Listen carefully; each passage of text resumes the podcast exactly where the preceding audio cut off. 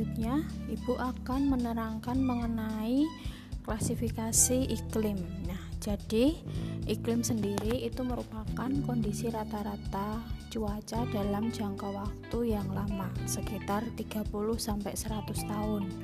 Dan ini mempunyai cakupan wilayah yang sangat luas. Nah, kalau kalian pernah mendengar kata klimatologi, nah itu adalah ilmu yang mempelajari tentang iklim sendiri. Jadi klimatologi dan meteorologi lah itu kan yang sering kalian dengar di berita-berita kan itu BMKG ya. Jadi Badan Meteorologi dan Klimatologi. Nah, di situ berarti uh, lembaga yang membahas tentang cuaca, iklim, kemudian suhu dan lain-lain. Nah, itu. Iklim sendiri itu dibagi menjadi lima. Jadi ada iklim matahari, ada iklim Köppen, ada iklim Smith-Ferguson, ada iklim Oldeman, dan ada iklim Junghun. Nah, yang pertama dulu ya. Jadi, yang pertama itu adalah iklim matahari. Jadi iklim ini didasarkan pada banyak sedikitnya sinar matahari yang diterima oleh permukaan bumi. Jadi uh, iklim ini namanya iklim matahari. Berarti ya tergantung sinar matahari yang masuk ke bumi itu yang akan mempengaruhi iklim di daerah tersebut.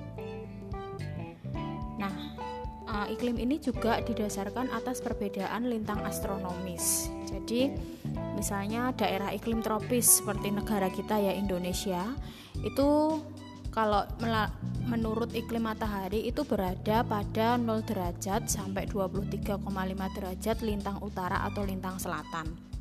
Nah, ini adalah uh, daerah iklim tropis jadi di kita di daerah kita Katulistiwa ya di Indonesia. Kemudian ada daerah iklim subtropis itu 23,5 derajat sampai 40 derajat lintang utara lintang selatan.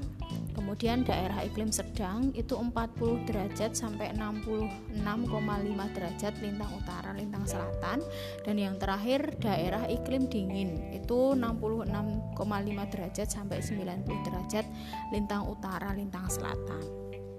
Nah, itu untuk iklim matahari. Kemudian yang kedua, itu iklim menurut Koppen. Nah, di sini iklim ini didasarkan pada kelembaban dan temperatur. Nah, ini dibagi menjadi lima. Jadi ada iklim A. Itu adalah iklim hujan tropis. Kemudian iklim B itu adalah iklim kering atau yang biasa disebut gurun ya. Kalau gurun itu kan e, daerahnya daerah yang kering. Kemudian iklim C itu yaitu iklim lintang sedang atau iklim hujan lintang. Hujan lintang sedang. Nah, iklim D itu adalah iklim sedang yang dipengaruhi daratan dengan musim winter yang tajam sehingga disebut iklim mikrotermal. Nah, yang terakhir adalah iklim E, yaitu iklim kutub dengan ciri khas tidak mempunyai musim hangat. Jadi sama sekali tidak mempunyai musim hangat, di situ sangat dingin atau iklim kutub. Nah, di dalam iklim Koppen ini ada beberapa istilah seperti AF, AW, AM, BS, BW, Nah, itu kalian nanti bisa lihat di buku paket di halaman 164 atau yang nggak punya buku paket nanti kalian bisa cari di internet. Jadi AF itu apa toh? AF itu adalah iklim hujan-hujan, iklim hutan tropis. AW itu adalah iklim savana tropis dan lain-lain. Nah, itu pembagiannya uh, menurut iklim Koppen. Masih ada tiga lagi, Bu lanjutkan selanjutnya ya.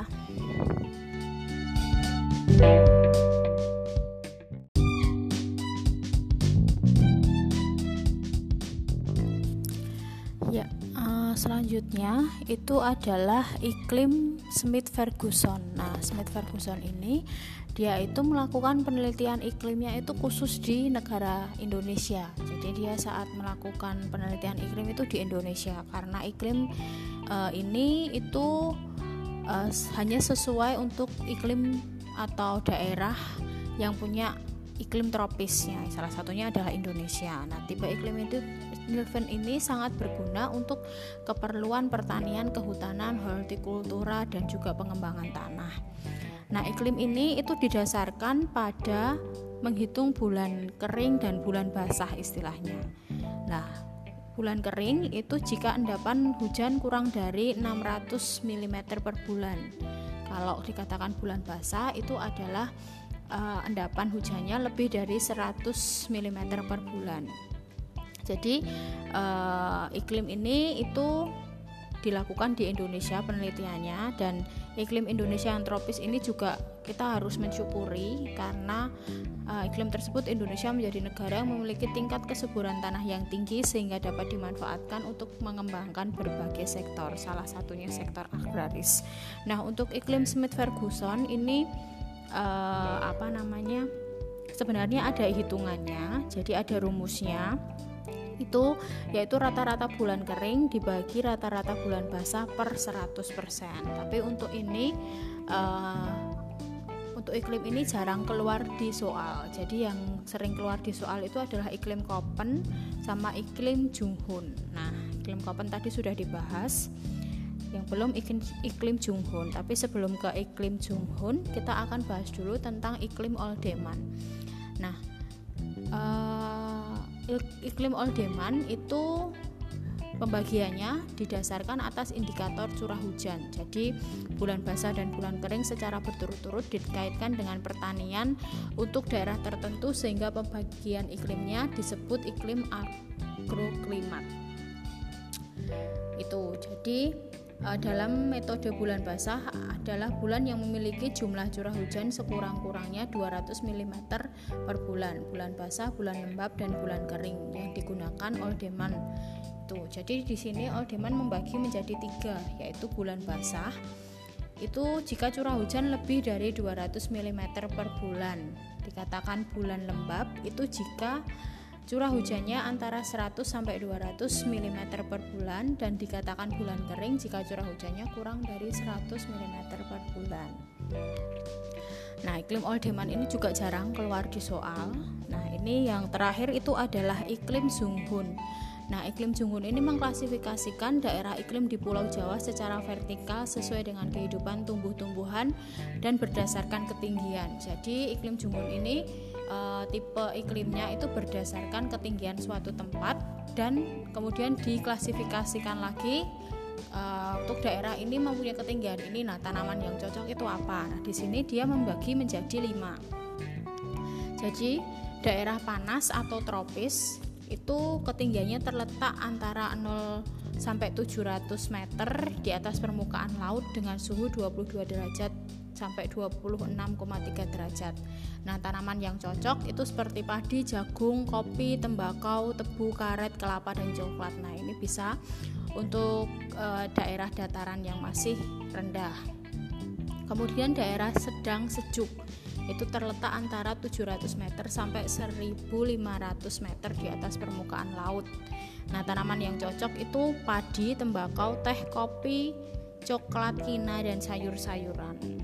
Ini hampir sama dengan panas atau tropis tadi, tapi untuk yang daerah sedang sejuk ini ada tumbuhan sayur-sayuran yang bisa hidup di situ.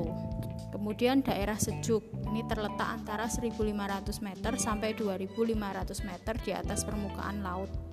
Tanaman yang cocok kopi, teh, kina, dan sayur-sayuran. Yang keempat ada daerah dingin ini terletak antara 2500 meter sampai 3300 meter di atas permukaan laut.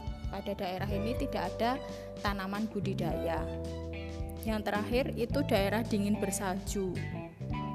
Ini terletak di atau ketinggian di atas 3300 meter dan sering tertutup salju. Nah, di sini kalau di daerah dingin bersalju ini sudah tidak ditemukan lagi tumbuhan ya. Jadi karena emang daerahnya sangat dingin jadi mungkin tumbuhan yang hidup di sana tidak akan bisa tumbuh seperti itu.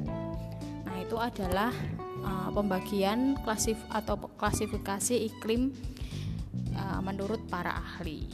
Terima kasih